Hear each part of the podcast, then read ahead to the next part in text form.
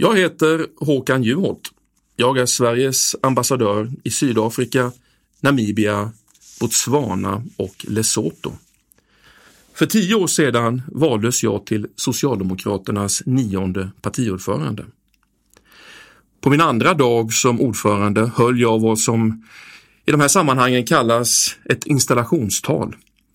Det direktsändes i tv och efteråt förstod jag att det hade skakat om och förändrat dagordningen för den politiska debatten.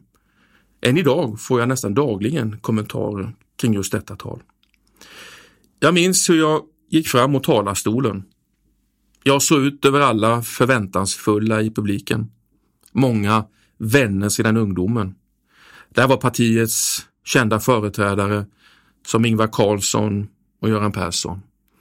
Och där såg jag mina två söner Anton och Viktor som satt bredvid min sambo Åsa. Jag såg alla tv-kamerorna.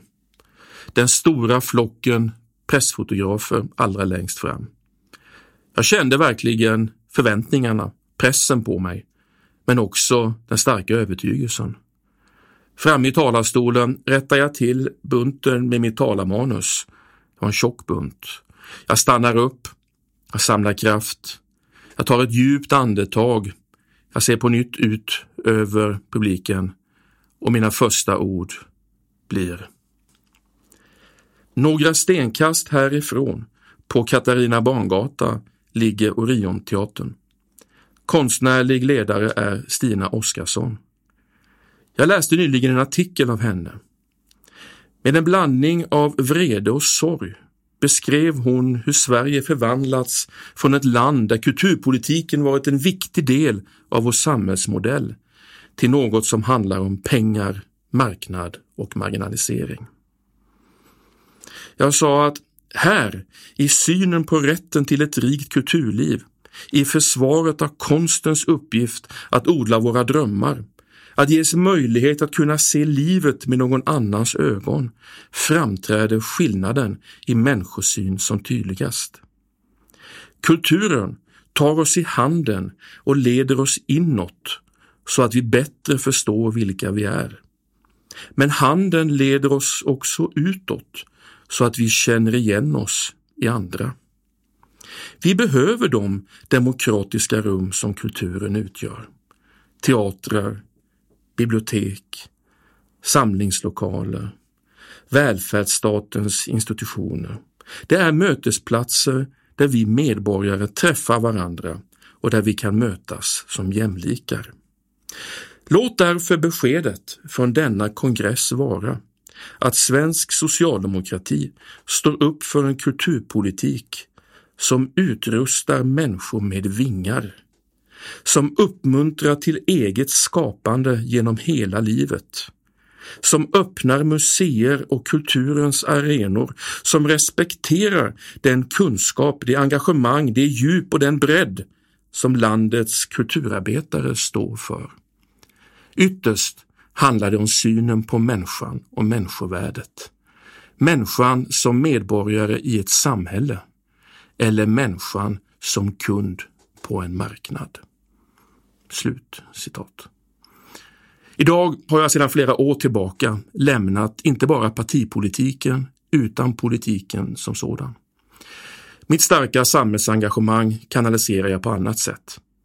Jag är inte på något sätt mindre engagerad än vad jag tidigare varit, men jag använder min tid på annat sätt.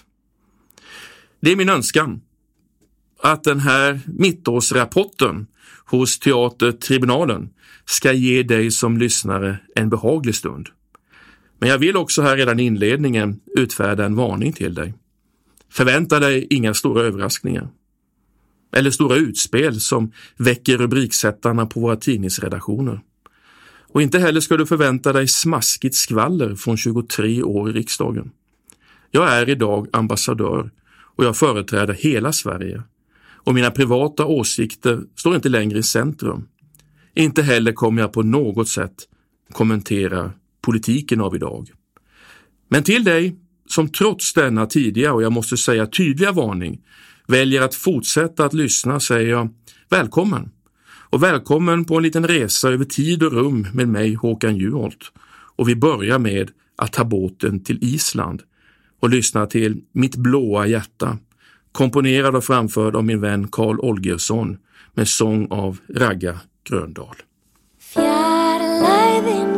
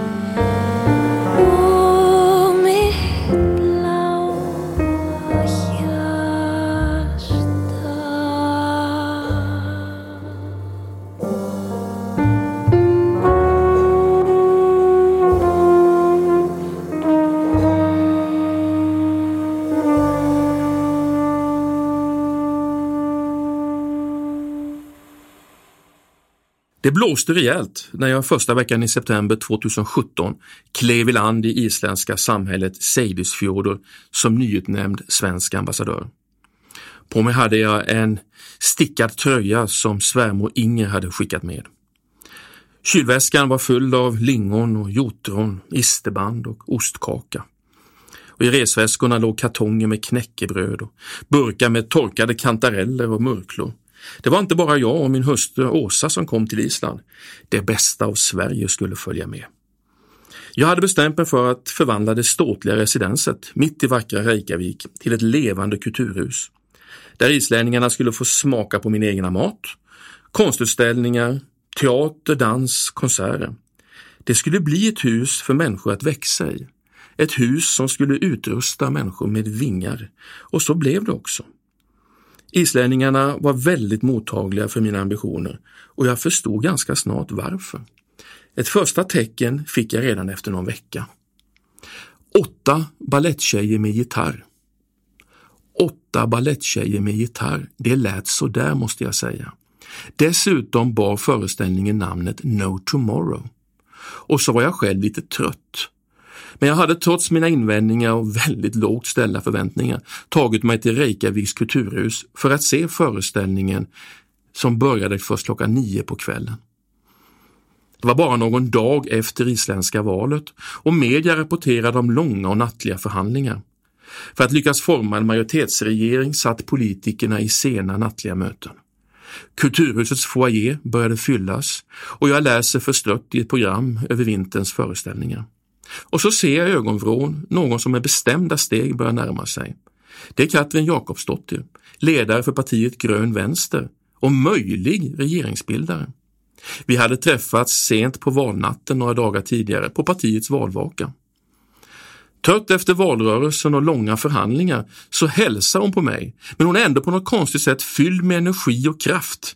Jag ser det på henne, det lyser i hennes ögon, men visst är hon samtidigt sliten. Hon slår sig ner vid min sida. Jag berättar att jag var verkligen förvånad att se henne här. TV-nyheterna hade ju precis rapporterat om förhandlingar som pågår och de hade intervjuat henne från förhandlingarna. Hennes svar var klargörande. Håkan, kultur finns det alltid plats för. Nu är jag här för att skaffa mig kraft för att sen kunna gå tillbaka och fortsätta att arbeta.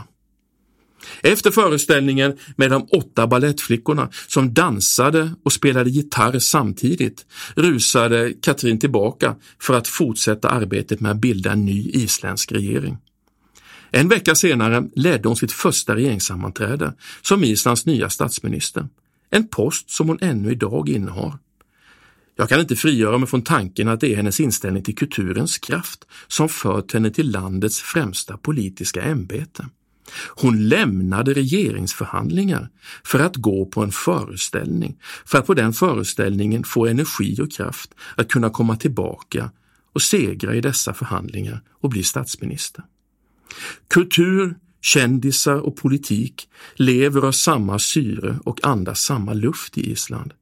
Några av landets mest hyllade författare, flera folkkära skådespelare, kända musiker, framstående konstnärer kandiderade i senaste valet.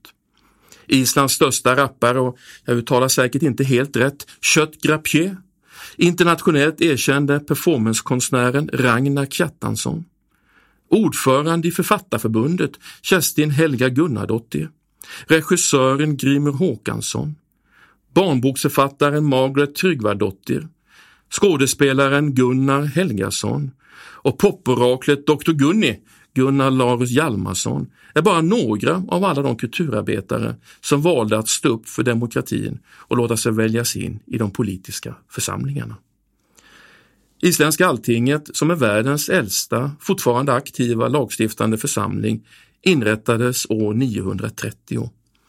Och islänningarna är med rätta stolta över sin unikt långa demokratiska historia, varför politik och demokrati tas på största allvar. Politiken anses för viktig för att lämnas över till ett särskilt skrå av människor. 2010 så bildade skådespelaren och komikern Jon Gnarr Bästa partiet. Ingen oblyg programförklaring. Han vann kommunvalet i Reykjavik och var huvudstadens borgmästare fram till 2014. Efter sina första dagar som borgmästare kände han att många i kommunhuset var ovänliga och otrevliga, både mot honom och besökare och därför spelade den före detta skådespelaren in en video till alla kommunanställda i vilken han visade hur man skulle hälsa på folk för att de skulle känna sig välkomna. Och så förkunnade han goddag-dagen. Kultur och vänlighet, en kombination verkligen värd att inspireras av. I ambassadens residens i det gamla rökrummet, där öppnade jag konstgalleri. Under mina tre år i Reykjavik hann jag med att genomföra 16 utställningar med svenska konstnärer som fick möta isländsk publik. De fick sova i vårt gästrum och ofta lagade vi mat tillsammans på kvällarna. Framför den tunga Karl Johan-soffan och under den ståtliga kristallkronan byggde jag upp en scen och många var de skådespelare som där fick möta en isländsk publik för första gången. Gästböckerna fylldes snabbt. Fler än 5000 islänningar fick möta Sverige på detta sätt hemma hos mig. Sanningen att säga var det till slut endast fantasin som satt gränser. En kväll så bäddade jag upp i gästvåningen för Elvis Presleys basist Jerry Sheff. Han är en riktig legend i musiksammanhang. Han spelade tio år med Elvis, men också med Dylan, med The Doors, Springsteen, Tom Petty, Roy Orbison, John Denver och oändligt många fler. En minnesvärd fredag kväll jammade han med isländska och svenska musiker på ambassaden och berättade om livet med Elvis. Jag serverade Bullens pilsnerkorv med Västervikssenap. Diskreta tavlor från Nationalmuseum plockades ner och ersattes med explosiva LP-konvolut med Elvis och andra rockartister som täckte väggarna i residenset. Vi kan kanske kalla det musikdiplomati. Jerry blev min vän och han kom tillbaka ytterligare tre gånger. Vid det sista tillfället så öppnade vi en fotoutställning med 60 nobelpristagare. Genom att Jerry tog på sig solglasögonen och spelade introduktionen till Fever istället för en trumpetfanfar. Han spelade så att fönsterrutorna skakade med den djupa basen. Han gjorde introt och sen bad han mig att sjunga den sensuella texten. Jag tittade stumt mot honom. Han tog om introt. Han nickade mot mig. Jag kunde inte förstå att jag skulle göra någonting liknande. Att jag skulle sjunga var helt otänkbart. Han hade sina svarta solglasögon på sig och han körde introduktionen till Fever en tredje gång. Publiken förväntade sig att jag skulle sjunga. Jag mumlade något generat inför de inbjudna ambassadörerna och den stora isländska publiken. Jerry nickade uppmuntrande när jag helt tondöv försökte följa med hans rytmiska bas. Bättre gick det när Jerry och Elvis i samspel gör Fever för den första satellitsända konserten någonsin. Elvis Aloha from Hawaii från 1973. Fever med Jerry Chef och Elvis Presley live at the Honolulu International.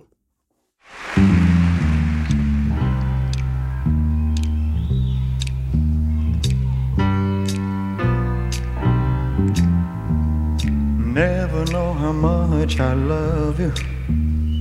Never know how much I care. When you put your arms around me, I get a fever that's so hard to bear. You give me fever. When you kiss me, fever when you hold me tight. Fever in the morning, fever all through the night. Sun lights up the daytime, moon lights up the night.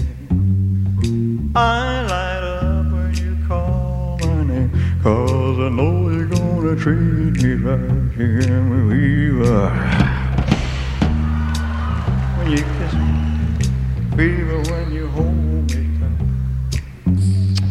in the morning, I fever all the night. Captain Smith and Pocahontas, I had a very mad affair.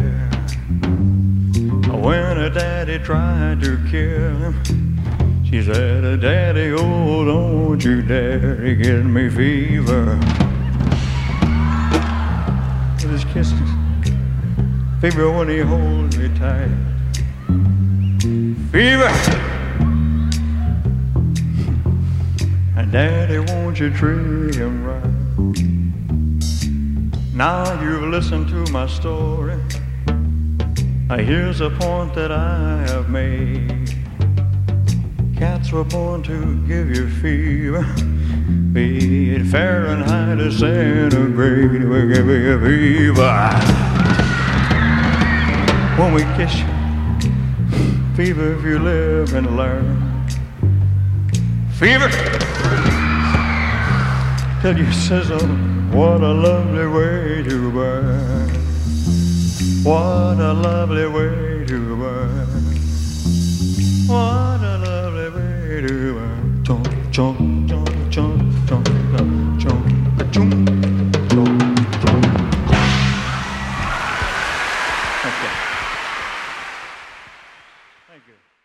Den sommaren för tio år sedan höll jag en varm, solig dag tal i Västertorp. Jag inledde med att berätta om platsen vi var på, parkleken Lugnet. Motsatsen till den privatiserade platsen. Den privatiserade platsen som ofta symboliseras med skylten privat område, privat väg. Här i Lugnet var det precis tvärtom. Det var här allmän väg började. En allmänning, en plats för lek och spel och utveckling för barn och vuxna, för alla. Det talades om publikrekord för partiledares sommartal. Kanske var det så. Jag berättade att här är vi omgivna av skulpturer i svensk och internationell världsklass. På vägen till parken kunde åhörarna se statyerna vid torget. Gubben med geten, Henry Moores inre yttre form, Asmund Arles liggande kalv. På kullen står Arne Jonens katedral, som från ett håll är ett dansande par, från ett annat en kyrka i gotisk stil. Men oavsett perspektiv så pekar den uppåt mot fria himlar. Lis Erikssons staty Faster som liksom vaktar ingången till parkleken Lugnet. Och här i parken en massa konst. Men den fantastiska gåsen, den står Vide av Edvin Örström. Och min egen favorit, Mannen med islandströjan av Ivar Jonsson. Här i Lugnet finns en tanke om något större. Det ingen av oss klarar av på egen hand, utan som bara kan uppnås tillsammans om vi investerar i varandra, när vi inser att vi har råd med varandra. Råd med ett gott liv för alla. Bara några dagar efter talet kontaktades jag av författaren Jerker Widborg. Han frågade om jag är intresserad av en brevväxling mellan oss båda för publicering i Dagens Nyheter. Efter en stunds tvekan tackade jag ja. Jag minns jag skriver på nätterna och i lediga stunder i bilen med Säpo till och från olika möten. Dialogen publicerades över flera sidor i Dagens Nyheter i december månad. Min sista hela månad som ordförande för Sveriges största parti. Jag plockar då fram texten och ser hur jag också i den tar avstamp i Kulturparken i Västertorp. Att en investering i en statypark faktiskt fungerar. Som en signal om människans värde förkroppsligat. Som om hela denna stadsdel som jag bor halvtid i liksom utropar till oss som bor här, ni är värdefulla. Ni är viktiga. Vi tar ert liv och era strävanden på allvar. Sedan när man byggde miljonprogrammet fanns delvis dessa ambitioner kvar. Men ofta blev utsmyckning och gemensamhetslokaler, parkmiljöer och det kulturella innehållet i dessa områden nedprioriterat. Det tycker jag säger ganska mycket om hur samhällsbyggandet blir lidande när snäv ekonomism går före långsiktighet och uthållighet. När kvartalet ställs före decenniet. När profiten ställs före livet. Jag skriver till Jerker att man kan se bristen på kultur i politiken som både ett symptom och en konsekvens av politikens professionalisering. De politiska partierna i vårt land är i de flesta fall sprungna ur folkliga rörelser. Och I dessa rörelser odlades en levande kultur, en egen rörelsekultur, där litteraturen, konsten och bildningen både gav status och var helt nödvändigt. De sista tre decennierna har denna rörelsekultur allt mer ersatts av professionella staber och inställsamma, kostsamma PR-byråer. Och att det bildningskrav som fanns och som formades exempelvis i arbetarrörelsen har tunnats ut till ett absolut minimum. Det är inte sällan en märklig känsla att läsa egna ord från en svunnen tid. Men dessa rader till Jerker, skrivna för tio år sedan, berör mig än idag. Citat. Det finns helt enkelt mindre rörelse och färre möten att läsa dikter och diskutera litteratur på. Men oavsett detta så tror jag också att själva politiken har förlorat dimensioner som gör det svårt för kulturen att tränga in och ut. 1900-talet var i mångt och mycket präglat av idékamp, där man tog tillvara varje till bud stående medel för att övertyga människor för sina idéer. Kulturella uttryck var och är ett kraftfullt redskap. Men när idéerna trängs tillbaka, visioner och ideologi ersätts med teknokrati, förvaltning och visionslöshet, ja då får det konsekvenser för hur författare och konstnärer kan appelleras av politiken. Slutcitat. Nu lyssnar vi till Monica Zetterlund, men tiden går.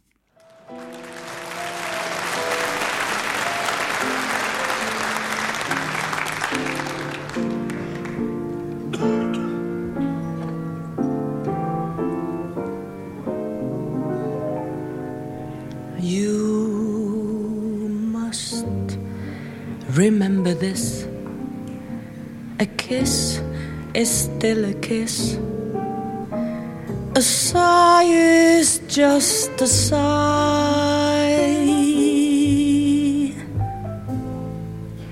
The fundamental things apply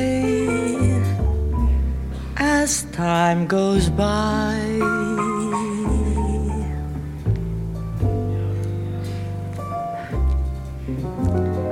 Och Ingrid Bergman log rart och ömt mot Humphrey Bogart i vit tropikkavaj.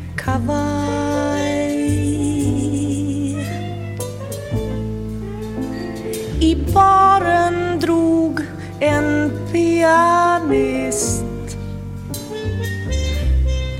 as time goes by.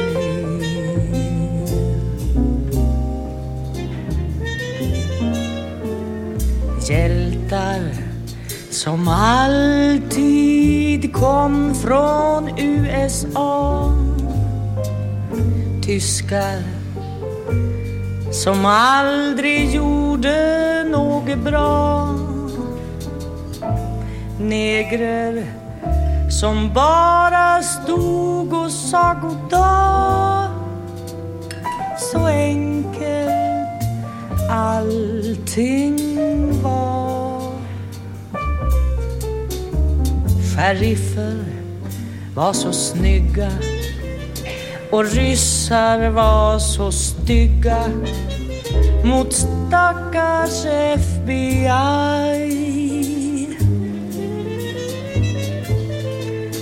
Vad svårt det blir ju mer man lär sig as time goes John Wayne var allas vän, en riktig man bland män med mycket kortklippt hår.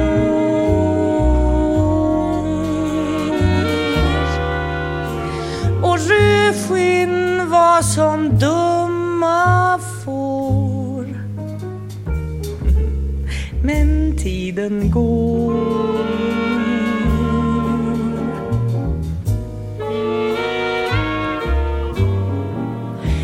Guling. Var en guling.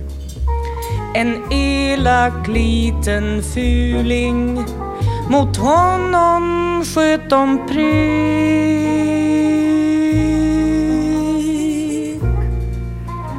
Bob Hope var alltid väldigt kvick. Men tiden gick.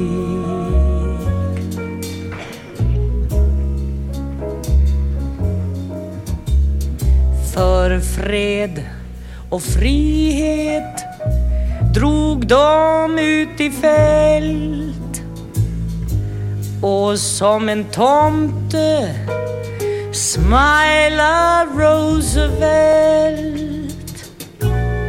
Han gjorde aldrig någonting kriminellt. Amen. Var snällt. Och Ingrid Bergman log rart och ömt mot Humphrey Bogart i vit tropikkavaj.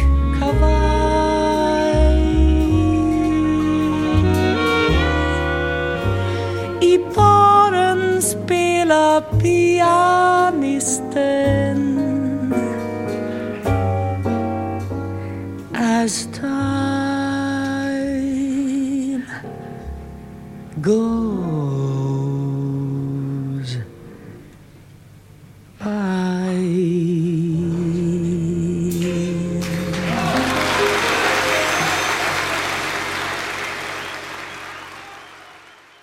På mitt arbetsrum i Pretoria hänger en målning där Olof Palme kramar Oliver Tambo, som var ledare för ANC i exil från mitten av 1960-talet till dess Nelson Mandela släpptes fri 1991 och kunde ta över ledningen. Jag kör på gator och jag går i parker som bär Olof Palmes namn. I bokhandeln står böcker med samlingar av Olof Palmes tal. Frihetsmuseum har särskilda avdelningar om Sverige. Olof Palme och ett mycket brett svenskt folkrörelsearbete i kampen mot apartheid har givit Sverige en särställning i Sydafrika och i flera länder i södra Afrika som jag är på plats för att ta tillvara på bästa sätt. Jag fortsätter därför med min mat och musikdiplomati också i Sydafrika. Jag bjöd hem Oliver Tambos son Dali Tambo med familj.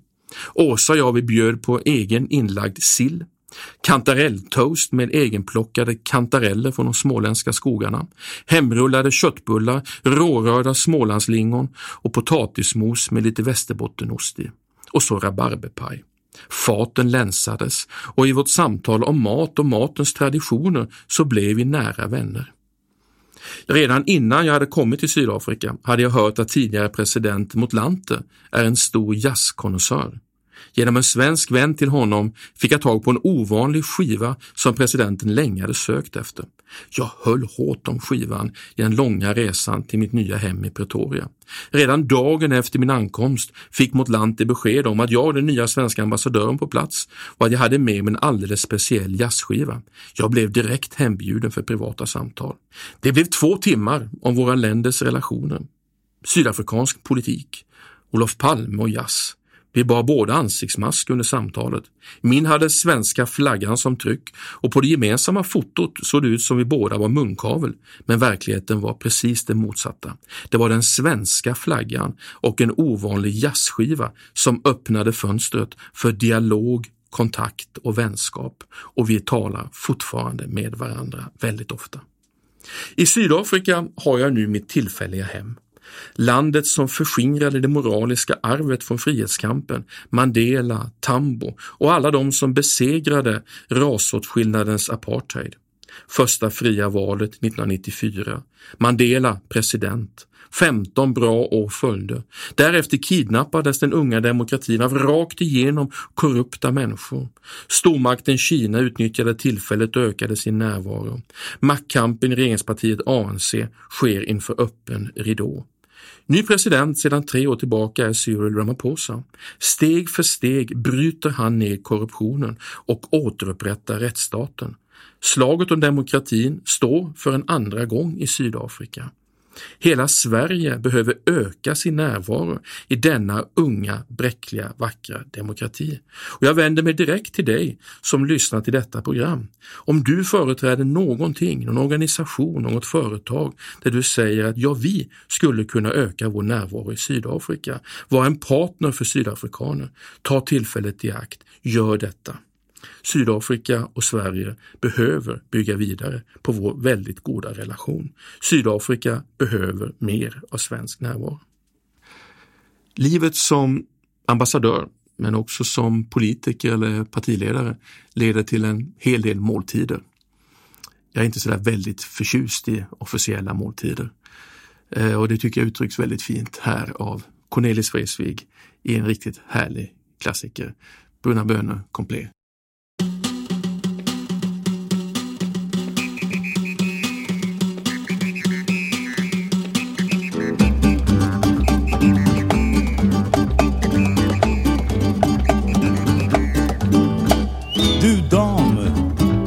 Jag säger det.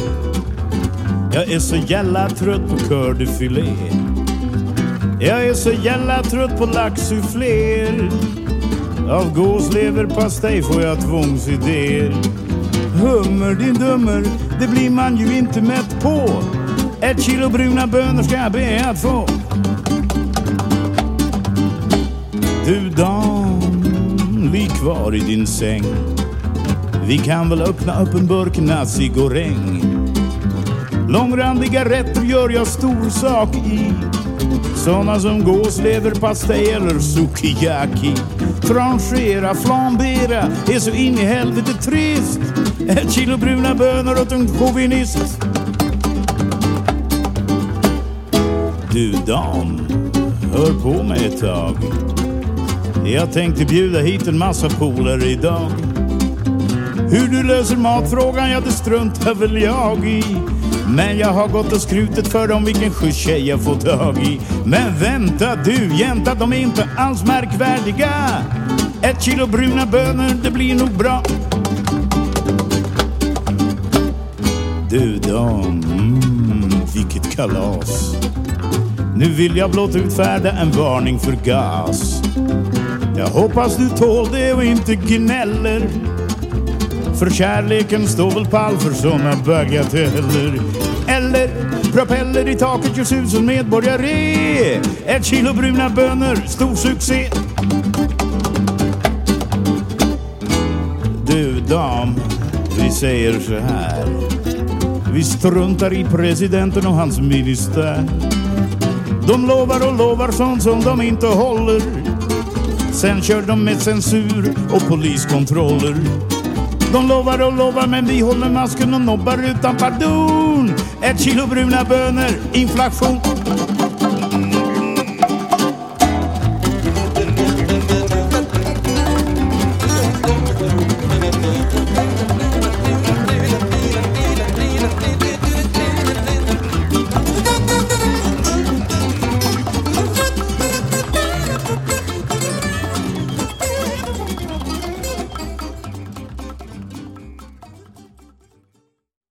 I en container kom allt det som Åsa och jag håller kärt. Hemmet är också en berättelse om livet som har levts. Jag sitter i min favoritfåtölj och jag ser på den nakna kvinnan. Hon har en cigarett i högerhanden. Röken stiger i en mjuk pelare över hennes båda bröst.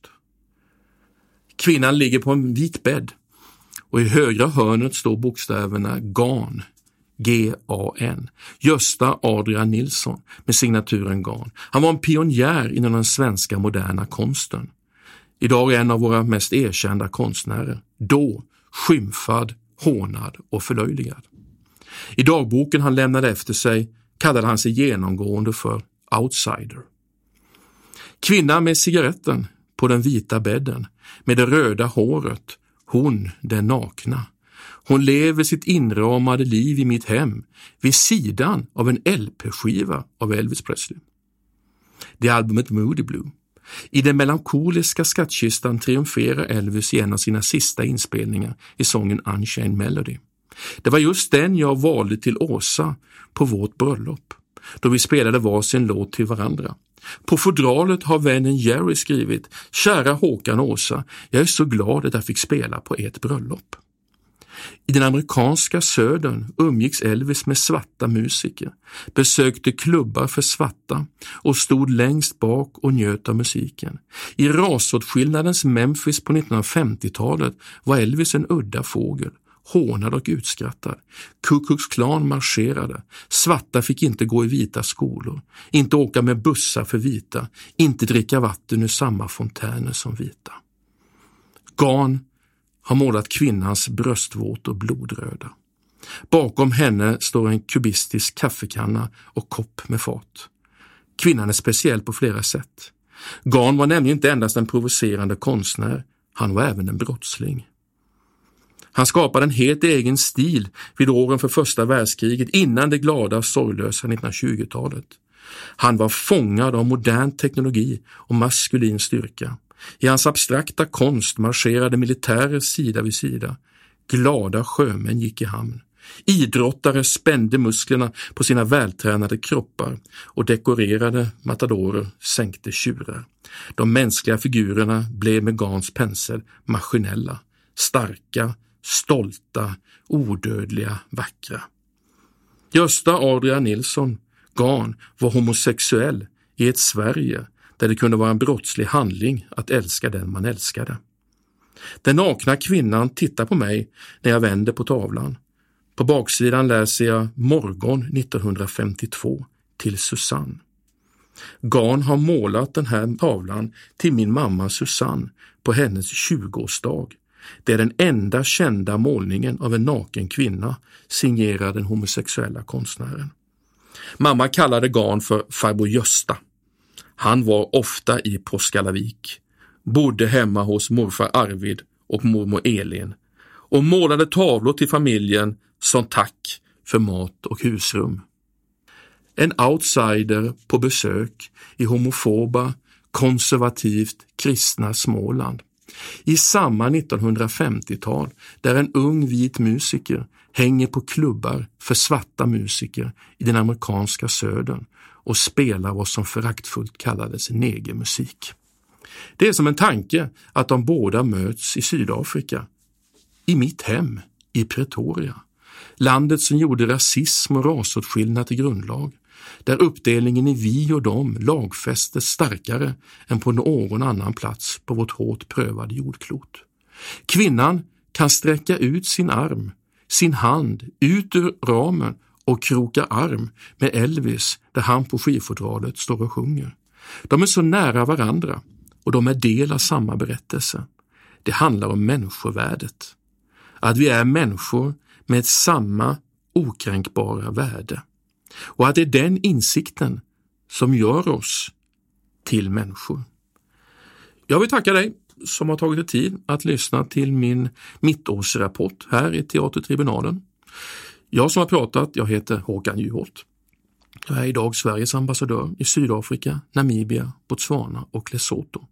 För tio år sedan var jag ordförande för Socialdemokraterna. Jag vill avsluta med ord av Göran Sonnevi, Från det omöjliga från 1975. Och därefter lyssnar vi till Ett som är säkert med Ulf Lundell. Men först Sonnevi. Vårt sätt att leva kommer att förändras.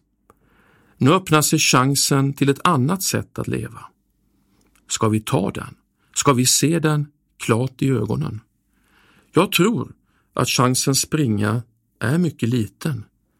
Den lyser vid tröskeln till en stängd dörr som kan öppnas. Den kan bara öppnas av många människor tillsammans. Göran Sonnevi. Och nu ett som är säkert med Ulf Lundell.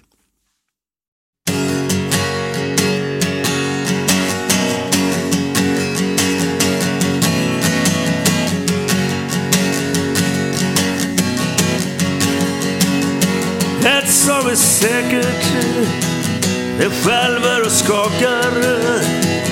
Det svänger och svajar. Från Warszawa till Washington. Det drabbas i Borlänge I Sölvesborg och Falun.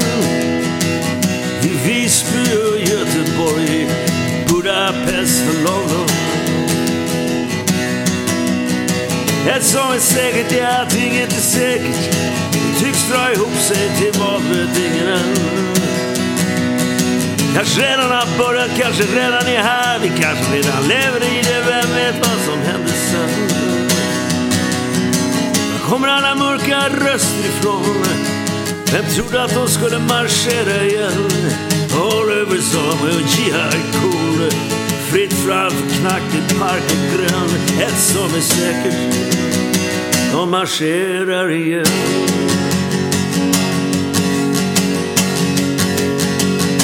Ett som är säkert. I är tagna på sängen. Var någonstans går du säker? Vet du vem som är vem nu? Vita skjortor och slipsar Folk i förortsgatton Innanför, utanför Är hon trygg i sitt hem nu Ja, var kommer alla mörker röst ifrån? Den trodde att de skulle marschera igen? Oliver Sarme och Jihad Kohl. Fritt fram, knack i park och grön Ett som är säkert De marscherar igen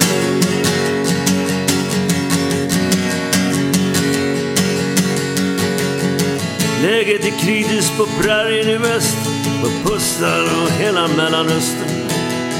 Män utan mål och mening i sina liv Och Gud överallt mitt, mitt i. Som om planeten börjat snurra åt andra hållet Som om våren blivit till hösten. Bakåt igen, bakåt i tiden Bakåt ända till Butterick City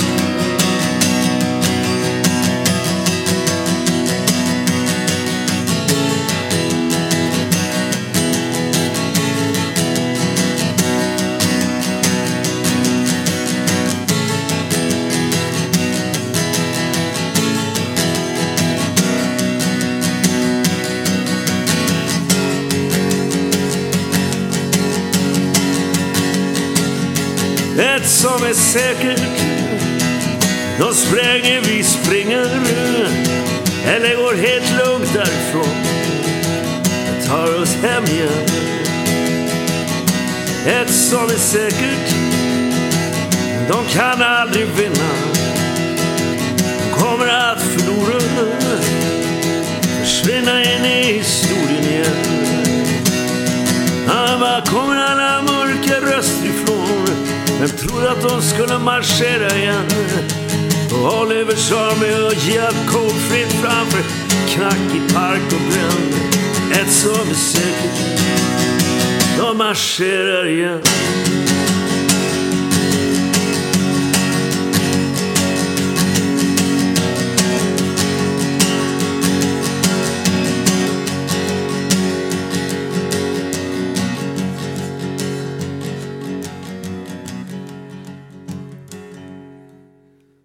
Du har hört Håkan Juholt presentera sin mittårsrapport för Teatertribunalen.